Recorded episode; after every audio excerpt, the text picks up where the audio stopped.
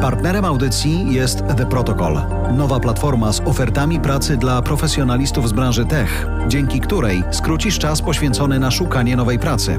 Zapraszamy na theprotocol.it.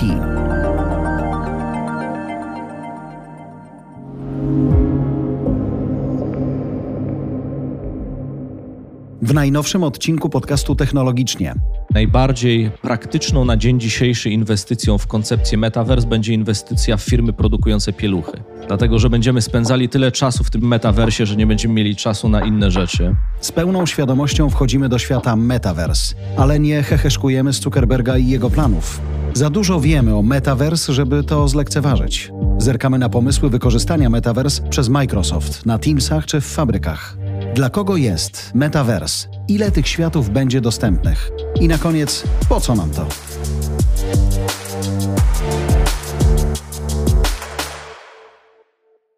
Przebiegłem 6 km dla zdrowia, przebiegłem 6 km dla głowy, przebiegłem 6 km tuż przed naszą audycją, żeby być lepiej do ciebie przygotowanym. I uciekłem wczoraj ze Szwecji. Cześć Bartek. Dzień dobry, ja się za to wyspałem. Bo słuchałeś naszej wcześniejszej audycji, która mówi o tym, że Absolutnie. jeżeli chciałbyś być bardziej skuteczny, to lepiej śpi niż rób inne rzeczy. Ale w ogóle spotykamy się, szanowni słuchacze, w sobotę z Bartkiem i mam takie poczucie, że moja głowa przynajmniej zupełnie inaczej pracuje. Mam zupełnie inną energię, niezależnie od tego biegu podejrzewam, do tego, żeby się skupić teraz na spotkaniu z tobą. 100%. Sobota najlepszy dzień tygodnia. Tak będziemy robić. Chcielibyśmy, szanowni słuchacze, i specjalnie może trochę podświadomie opóźniam początek tego odcinka, pogadać o metaverse i proszę, żebyście nie wyłączali odbiorników, żebyście z nami zostali. Miałem takie przeczucie, choć rzuciliśmy sobie ten pomysł z Bartkiem, żeby o tym pogadać zaraz, kiedy Mark Zuckerberg wyszedł i powiedział, że zmienia nazwę firmy na Meta. Wszyscy miałem wrażenie heheszkują, wszyscy banalizują, kiedy nagle pojawiło się Microsoft i powiedziało hej, hej, Metaverse także u nas na Teamsach, nagle wszyscy trochę spuścili stonu, nagle wszyscy zobaczyli, że to nie jest coś, co jest fantazją Zuckerberga. To też, bo obietnica Metaverse jako obietnica pewnej zbiorowej przestrzeni, czy też wirtualnej przestrzeni, stworzonej przez połączenie tej rzeczywistości fizycznej i rzeczywistości wirtualnej w pewną sumę światów, dzięki której powstało w ogóle słowo, czy też idea metaverse, tak, które się bierze z przedrostka meta, oznaczającego poza, i uniwers, oznaczającego uniwersum. I termin ten zwykle jest używany do opisania takiej koncepcji przyszłej iteracji internetu, która się składa z trwałych, współdzielonych światów, w których możemy uczestniczyć cały czas. Ten świat może być trójwymiarowy, to może być świat wirtualny, który jest połączony i jest postrzegany jako taki wirtualny wszechświat. Tak naprawdę definicję metaversu można spłycić do pewnego celu, którym jest przeniesienie 7 miliardów cyfrowych dusz z możliwością istnienia wyłącznie w internecie i uczestniczenia w pewnej wirtualnej gospodarce, która ma wpływ na środowisko. I oczywiście z perspektywy dużych firm, czy to jest Facebook, czy to jest Microsoft, Microsoft, ciężko nie być podatnym na tą wizję. Rozumiem, że na potrzeby tej audycji potrzebujemy rozdzielić te światy, tak? Czyli korporacyjne pomysły na metaverse w odniesieniu do Microsoftu czy w odniesieniu do Facebooka to jest jedno, a drugie, że to się po prostu wydarza, to jest pewna konsekwencja rozwoju internetu, do której wszyscy prędzej czy później dojdziemy, natomiast oni widzą w tym biznes w jakimś sensie, tak? Myślę, że są dwa aspekty, które możemy wziąć tutaj pod uwagę. Pierwszy aspekt to jest aspekt stricte korporacyjny i drugi to jest aspekt związany z przyszłością internetu. I jeżeli dzisiaj patrzymy na internet, to taką kluczową różnicą między internetem dzisiaj a obietnicą tego metaversu jest tak zwana idea obecności. I ja chyba pierwszy raz w newsletterze pisałem ponad dwa lata temu o idei metaverse i ona była w definicji osoby, która była autorem tej koncepcji meta-uniwersum, Matthew Bola, miała zawierać kilka elementów, czyli żeby ten metaverse się pojawił, żeby on się zadział, żeby został stworzony, musi mieć szereg spełnionych cech. Pierwsza cecha, która była przez niego wyróżniana, to to, że ten meta-uniwersum musi być trwały, co oznacza, że nigdy się nie, nie resetuje, nigdy się nie pauzuje, nigdy się nie kończy. Tak jak dzisiaj większość światów wirtualnych czy też gier ma swój początek i ma swój koniec. Ale jeżeli weźmiemy na przykład Roblox, grę, to jest to rodzaj takiego uniwersum, które się nie kończy, czyli mimo tego, że my się od niego odłączamy, to ta gra I ten świat w tej grze trwa cały czas. Drugim aspektem to jest bycie synchronicznym. Synchronicznym to znaczy, że wydarzenia, które dzieją się w tym świecie, mogą się dziać zarówno w prawdziwym życiu, jak i w tym świecie wirtualnym. Więc ten metavers powinien być pewnego rodzaju żywym doświadczeniem, które będzie mieć konsekwencje dla ludzi zarówno w świecie wirtualnym, jak i w świecie rzeczywistym. Dzisiaj na przykład niektóre wydarzenia, koncerty w światach wirtualnych mają wpływ na fanów w świecie rzeczywistym. Kolejna rzecz to jest koncepcja metaversu jako takiej w pełni funkcjonalnej gospodarki, czyli że osoby, które funkcjonują w tym wirtualnym świecie, czy to są jednostki, czy to są firmy, mogą tworzyć, posiadać, inwestować, sprzedawać i być wynagradzane za zakres pracy, który jest wytwarzany w tym wirtualnym świecie.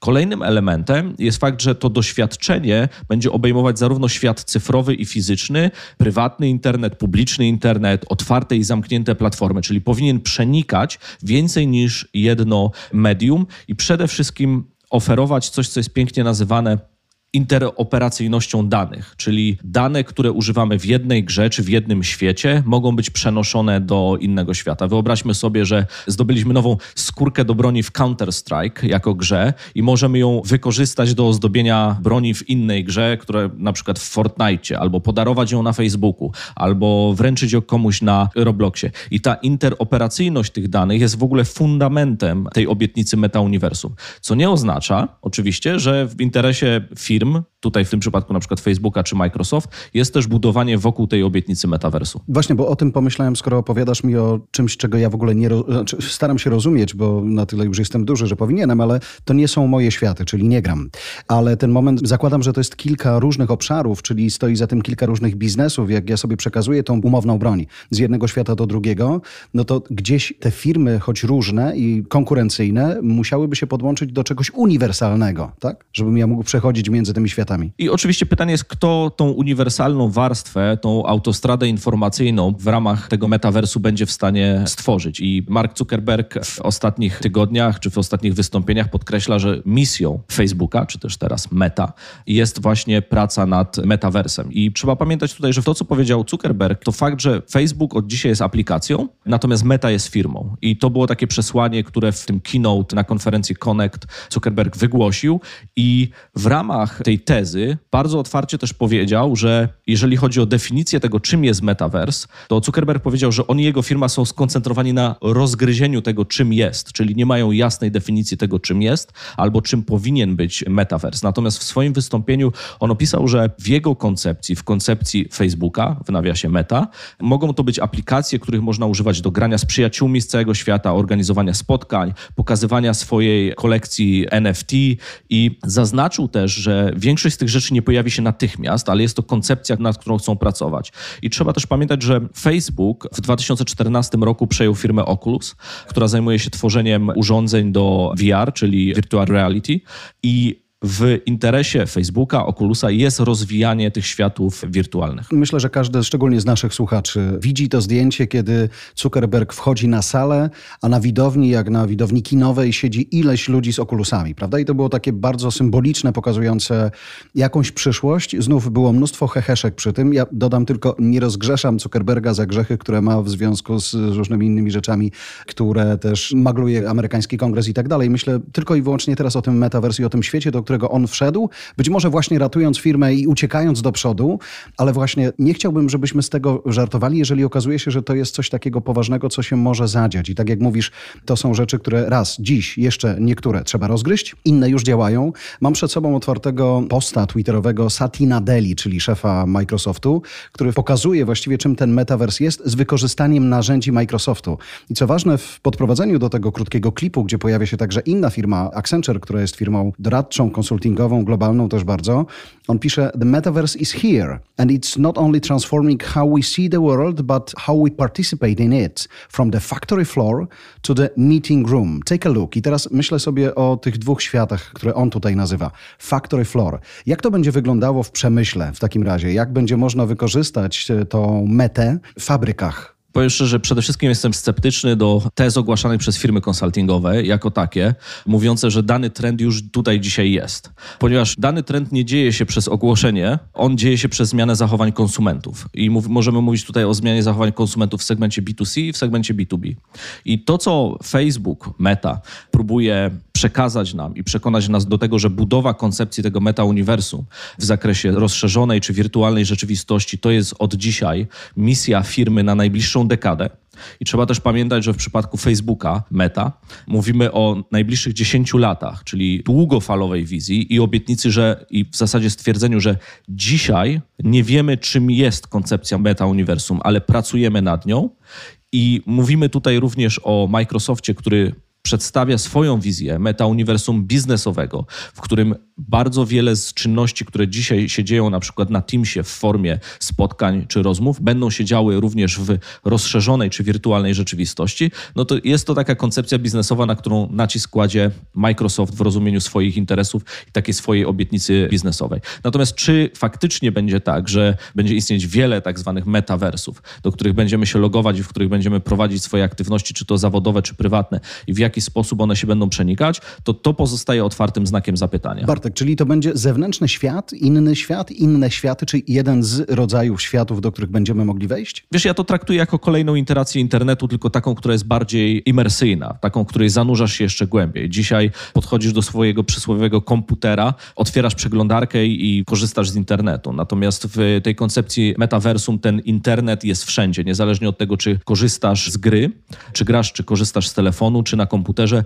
Elementy tego metaversum się przenikają, czyli możesz wziąć swojego awatara z jednej gry do, być może do jakiegoś programu, być może wykorzystać swoje zdjęcie w dziesięciu innych, dlatego że ta interoperacyjność pomiędzy systemami została spełniona. I tu oczywiście są bardzo ciekawe dyskusje o tym, czy to się może zadziać ze względu na interes firm, ponieważ do tej pory, czy też historycznie, większość dużych firm blokowała interoperacyjność danych, czyli przekazywanie danych pomiędzy swoimi serwisami, albo czasami, jeżeli przekazywane te dane były, to były one między y, aplikacją Facebooka a WhatsAppem, a nie na przykład pomiędzy WhatsAppem a Twitterem. Takie rzeczy były do tej pory blokowane i firmy nie chciały ze sobą współpracować. Szczególnie po ostatnich heheszkach Twittera pod adresem Facebooka. I z drugiej strony, to co się dzieje w międzyczasie, to cała ta część związana z ym, procesami związanymi z praktykami monopolistycznymi, które bada amerykański rząd, czy też e, są badane przez SEC na przykład.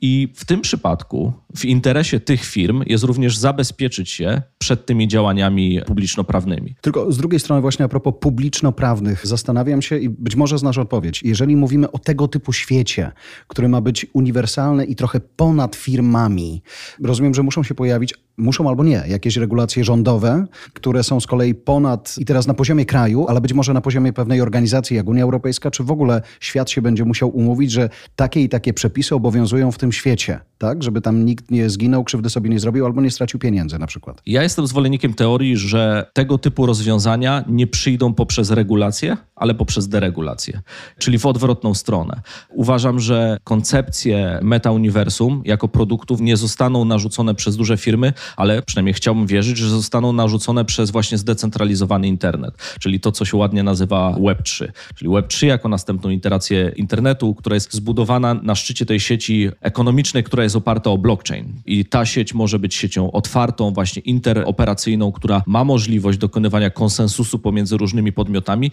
i budowania na ich podstawie produktów. I ja akurat jestem i chciałbym wierzyć, że jednak ta koncepcja meta-uniwersum będzie światem bardziej otwartym i bardziej interoperacyjnym niż światem, który jest zamknięty w ramach produktów jakiejś korporacji. Nawet jak się ciebie słucha teraz, szanowny Bartku, partnerze in crime, nie mam poczucia, że mówimy o jakiejś odległej przyszłości, co jest myślę fajne i ważne w tym świecie. Wiem, że tak jak mówisz, pisałeś x lat temu o czymś, co dzisiaj jest na ustach wszystkich w kontekście już nawet właśnie nie tylko Facebooka, ale tak samo mam poczucie, że kiedy pisaliśmy, czy nagrywaliśmy pierwszy odcinek o NFT, to też wydawało nam się, że mówimy o czymś, co jest w ogóle bardzo odległe. Dzisiaj NFT zaczyna wchodzić dosłownie prawie, że pod strzechy coraz mniej jest żartów, a coraz więcej jest, widzę, ludzi, którzy mając ogromną świadomość inwestycyjną, mając ogromną świadomość rozwoju biznesów, mają ogromną świadomość kultury, czy sztuki, czy wagi tego wszystkiego, przestają z tego żartować. To jest naturalny proces postępu technologicznego. I każda technologia na początku budzi jakiegoś rodzaju zdziwienie, e, być może nawet odrazę.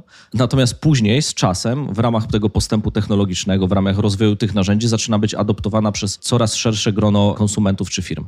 Na przykład wiele lat temu, czyli w momencie, kiedy Facebook przyjmował Oculusa, to był 2014 rok i bardzo wiele rozmów było prowadzonych na temat wirtualnej rzeczywistości. Jesteśmy kilka ładnych lat później i okulary do VR, czy też hełmy, okulary do VR nie są tak szeroko dostępne i też tak bardzo popularne, jak wiele osób zakładało 5 czy 7 lat temu. Co nie oznacza, że nie służą one dzisiaj jako zarówno element rynku konsumenckiego, czyli osoba może kupić sobie okulary VR-owe i z nich korzystać w ramach na przykład do grania, ale też w przypadku produktów Microsoftu HoloLens, który jest wykorzystywany intensywnie w segmencie B2B. Natomiast pierwotne założenia co do wizji tego, czym będzie i jak ogromny impact będzie miała ta wirtualna rzeczywistość versus 7 lat później nie jesteśmy w tym miejscu, które obiecywano zdecydowanie. Ale właśnie dlaczego? Bo e... do tej pory się uważało, że no, technologia się szybko rozwija, szybko się wszystko miniaturyzuje, więc dzisiaj to jest duże, może budzić uśmiech na twarzy, kiedy się patrzy na kogoś, kto je ma na głowie, ale za chwilę to będzie mniejsze, tańsze, bardziej ogólnodostępne. To dlaczego to tak szybko tutaj jednak nie poszło? Ponieważ procesy technologiczne, w szczególności w zakresie hardware'u, czyli urządzeń, które będą w stanie pozwalać nam z perspektywy mocy obliczeniowej, procesorów, szybkości działania, będą pozwalać nam na uczestniczenie w tych światach, budujemy je. I nie da się zbudować z dnia na dzień takiego rozwiązania, które pozwalałoby przeskoczyć nam na przykład dekadę do przodu. To jest ewolucja. Jak spojrzymy na nasze telefony, to w każdym roku ten telefon jest iteracyjny czyli iteracyjnie lepszy. Jeżeli weźmiemy do ręki telefon sprzed 10 lat, i telefon dzisiaj, zobaczymy ogromną różnicę. Ale jeżeli zobaczymy na telefon z perspektywy rok do roku, to różnica może być, czy też wydaje się, że jest nieznaczna. I ten postęp technologiczny wygląda mniej więcej tak, że najpierw większość osób w momencie, w którym mówi się o jakiejś nowej technologii albo o jakimś nowym trendzie, większość osób mówi: Nigdy nie słyszałem, nie słyszałem o tej technologii. Później następuje proces, w którym się mówi: Słyszałem, ale nie rozumiem. Później następuje proces: Rozumiem, ale nie znajduje zastosowania. Następnie jest taki pogląd w procesie technologicznym, w którym mówi się: Widzę, w jaki sposób można byłoby to zastosować, ale dzisiaj to jest głównie zabawka dla bogatych ludzi. Przypominam, że tak na przykład było z iPhone'em. Kolejnym etapem jest: Używam, ale to tylko zabawka. Kolejnym etapem to zaczyna być dla mnie coraz bardziej pożyteczne. Kolejnym etapem jest, zaczynam używać tego codziennie. Kolejnym etapem jest, nie wyobrażam sobie życia bez tego. I kolejnym etapem jest, jak inni mogli żyć bez tego rozwiązania. I tak mniej więcej wygląda postęp technologiczny. Oczywiście niektóre urządzenia zyskują szerszą aprobatę konsumentów i są adoptowane wszędzie, a niektóre nie. I wydaje mi się, że to jest naturalna, taka naturalny proces rozwoju technologicznego, który obserwujemy na przestrzeni w zasadzie setek lat. Za chwilę wracamy do audycji.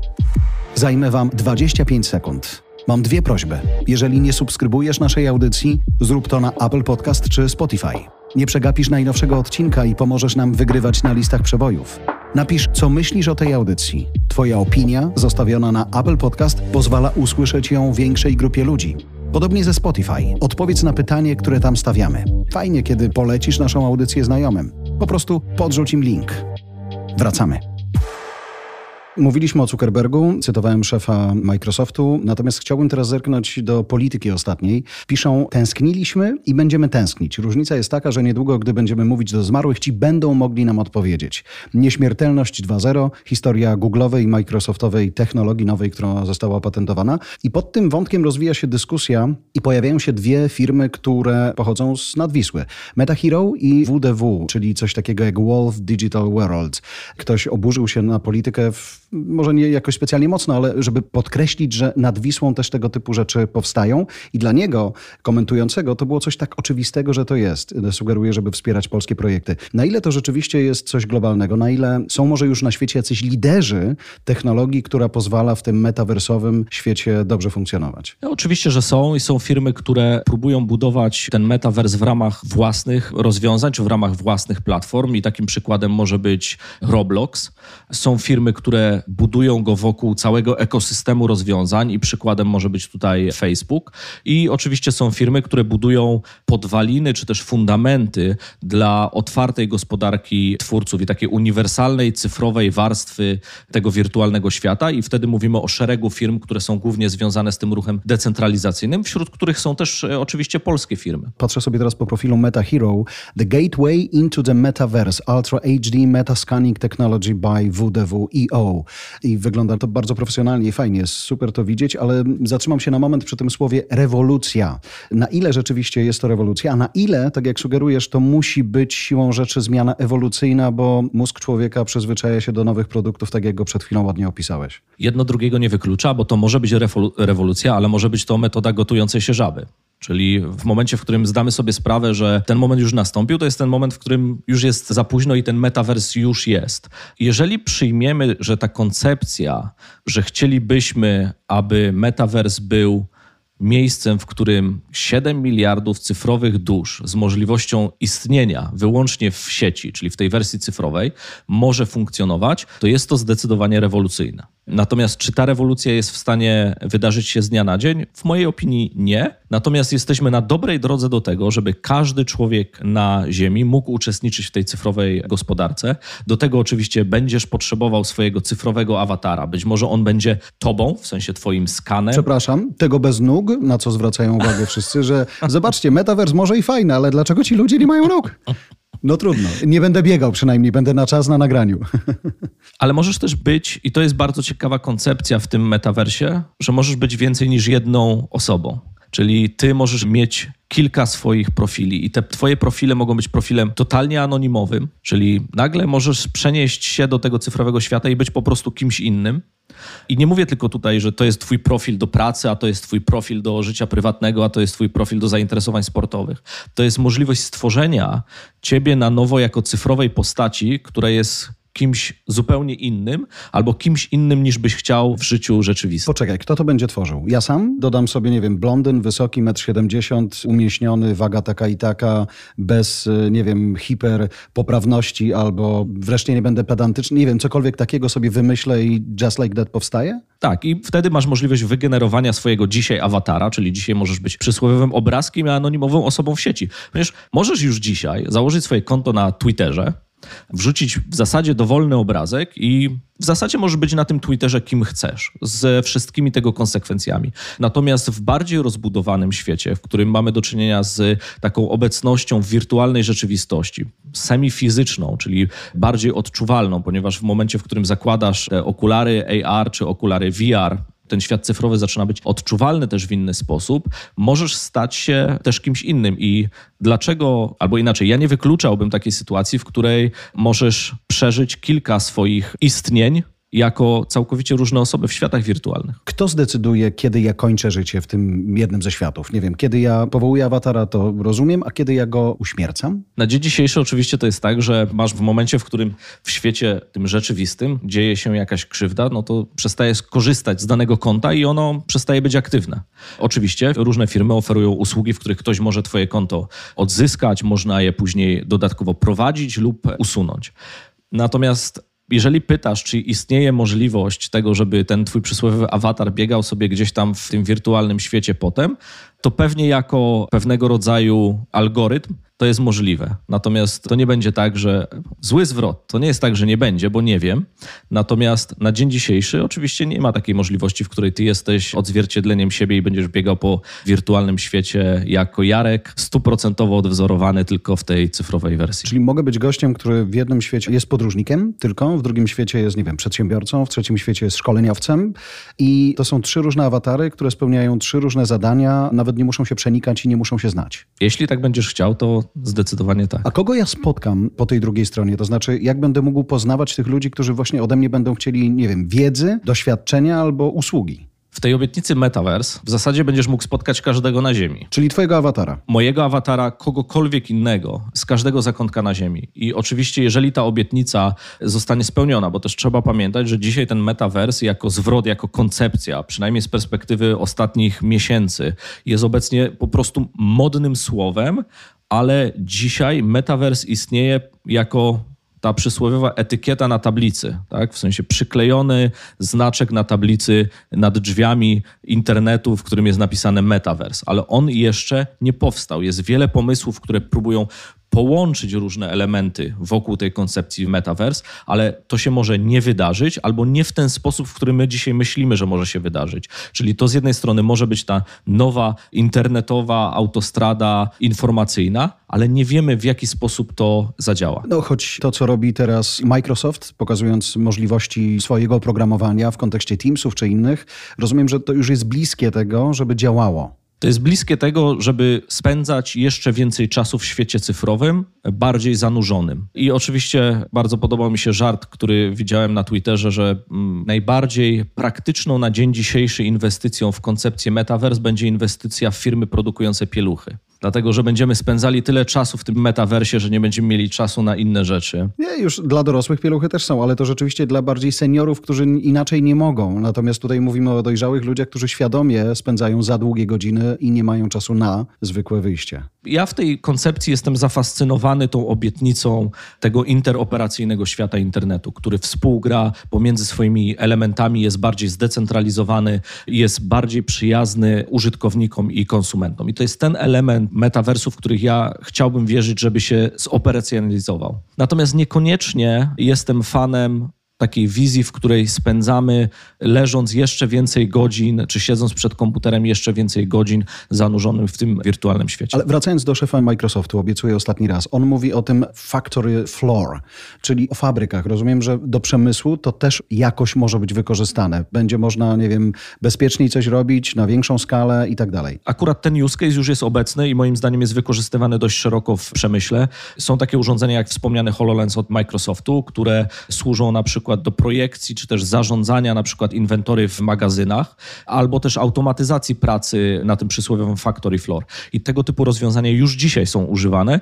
i one poprawiają zarówno bezpieczeństwo, jak i sposób zarządzania w tych fabrykach. I to są akurat takie technologie, które A, dzisiaj są obecne, B, spełniają swoje zadanie. Natomiast czy twoim marzeniem jako pracownika jest spędzanie w metaversie magazynowym większości swojego czasu? Odpowiedź brzmi nie i pewnie na jakimś etapie ta praca też musi zostać zautomatyzowana To zadam to pytanie, które wydaje mi się jest e, w jakimś sensie fundamentalne. Nie wiem, czy będzie ostatnie. Po co nam ten metavers? Po co odwzorowanie świata realnego w świecie wirtualnym? Pewnie powodem, dla którego to się dzieje, jest marzenie ludzi o lepszym świecie, że nawet jeżeli nie potrafimy poprawić świata tego, w którym żyjemy, to być może jesteśmy w stanie stworzyć świat, który jest lepszy i jest on światem wirtualnym. Z drugiej strony mamy do czynienia cały czas z rozwojem technologicznym, więc możliwość tworzenia nowych światów, w ogóle jako gatunku ludzkiego, tak, czyli jako gatunek ludzki jesteśmy w stanie stworzyć nowe światy, nawet jeżeli to są światy cyfrowe, jest pasjonującym wyzwaniem. I jeżeli patrzymy na to z perspektywy ciekawości świata, to jest to naturalny proces, który będzie zachodził w ludziach. Jesteśmy ciekawi świata, chcemy budować nowe rzeczy. A cóż może być bardziej ciekawego, większym wyzwaniem, czy bardziej fascynującego niż możliwość budowania nowych światów, jeżeli nie jesteśmy w stanie poznać tych nowych światów, które gdzieś funkcjonują poza naszym. Podoba mi się ta definicja i jakby rozumiem ten kierunek. Rzeczywiście, jeśli mamy się gdzieś rozwijać, no to powiedzmy, że mamy ograniczone możliwości na Ziemi. Jedni budują rakiety, lecą w kosmos, zdobywają Marsa, tam chcą być pochowani, a inni otwierają sobie meta, wersji do niego wchodzą, nawet w kilku wcieleniach. Tylko jak jesteśmy na Ziemi, to są jakieś procedury, są jakieś zasady, według których podróżujemy, według których żyjemy. Ktoś pilnuje czasami tego naszego bezpieczeństwa. Kiedy wejdziemy do metaversu, to jak to będzie wyglądało? Czy to jest taki świat z niektórymi umiejętnościami, czy z niektórymi doświadczeniami świata realnego przeniesione jeden do jednego? Zarówno od strony zagrożeń, jak i od strony potencjału, bo to nie jest tak, że my do tego świata wirtualnego przeniesiemy tylko i wyłącznie te najlepsze rzeczy, bo przeniesiemy też te nasze gorsze zachowania i systemy społeczne, które dzisiaj na przykład nie działają w świecie rzeczywistym, przeniesiemy je też do świata wirtualnego, ale z drugiej strony w tym świecie wirtualnym mamy możliwość zbudowania, eksperymentowania i poznania nowych rodzajów gospodarek. I to mogą być nowe gospodarki w rozumieniu ekonomicznym, nowe gospodarki w rozumieniu społecznym, nowe rodzaje interakcji pomiędzy ludźmi. I wiesz, to jako perspektywa obietnicy jest szalenie atrakcyjne. In, w rozumieniu takim indywidualnym, czyli ja mógłbym być kimś więcej, kimś innym, przeżyć innego rodzaju przygody niż dzisiaj mam możliwość. I stąd chciałbym pojawić się w tym świecie. To jest bardziej ta wizja, którą możesz znać z Matrix jako filmu. Tak? Logujesz się do innego świata, w którym generalnie rzecz biorąc ten świat wygląda zupełnie inaczej i twoje przygody w tym świecie, twoje istnienie w tym świecie może być determinowane przez zupełnie innego rodzaju czynniki zewnętrzne. I to jest atrakcyjna wizja. Ale to nie jest gra. Albo inaczej, to nie musi być gra, bo na koniec dnia też trzeba pamiętać, że możesz być po prostu zainteresowany zagraniem w fajną grę, spędzeniem kilku godzin, czy kilkunastu, kilkudziesięciu godzin, czy kilkuset, czy kilku tysięcy godzin, jak niektórzy spędzają w niektórych grach, po prostu dobrze się bawiąc w takim wirtualnym świecie. Okej. Okay. Kupiłem. Meta, wers w takim razie. Dziękuję Bartek za spotkanie. Dziękuję. Dziękuję słuchaczom za uwagę, za obecność waszą. Jak zawsze dziękujemy. Szwecja pozdrawia i Studio Wojska w Warszawie też. Dziękujemy. Dziękujemy za Twoją uwagę, ale zanim się rozłączysz albo posłuchasz kolejnego odcinka, mam dwie sprawy. Jeżeli jeszcze nie subskrybujesz naszej audycji, zrób to na Apple Podcast czy Spotify. Co to da? Nie przegapisz najnowszego odcinka i pomożesz nam wspinać się na listach podcastowych przebojów. Nie ma innej drogi. Pomoże nam także, kiedy powiesz, co o naszej treści myślisz. Czy była pomocna? Czy niesie wartość? Twoja opinia zostawiona na Apple Podcast pozwala usłyszeć tę audycję większej grupie ludzi. Podobnie ze Spotify. Odpowiedz na pytanie, które tam stawiamy i zachęć do tego innych. Fajnie, kiedy polecisz naszą audycję znajomym. Podaj im link, niech dołączą. Zasubskrybuj także inne podcasty od Voice House. Znajdziesz je na każdej platformie podcastowej, w każdym kanale social mediowym. Zapraszam też na stronę Voice House po więcej dobrej treści.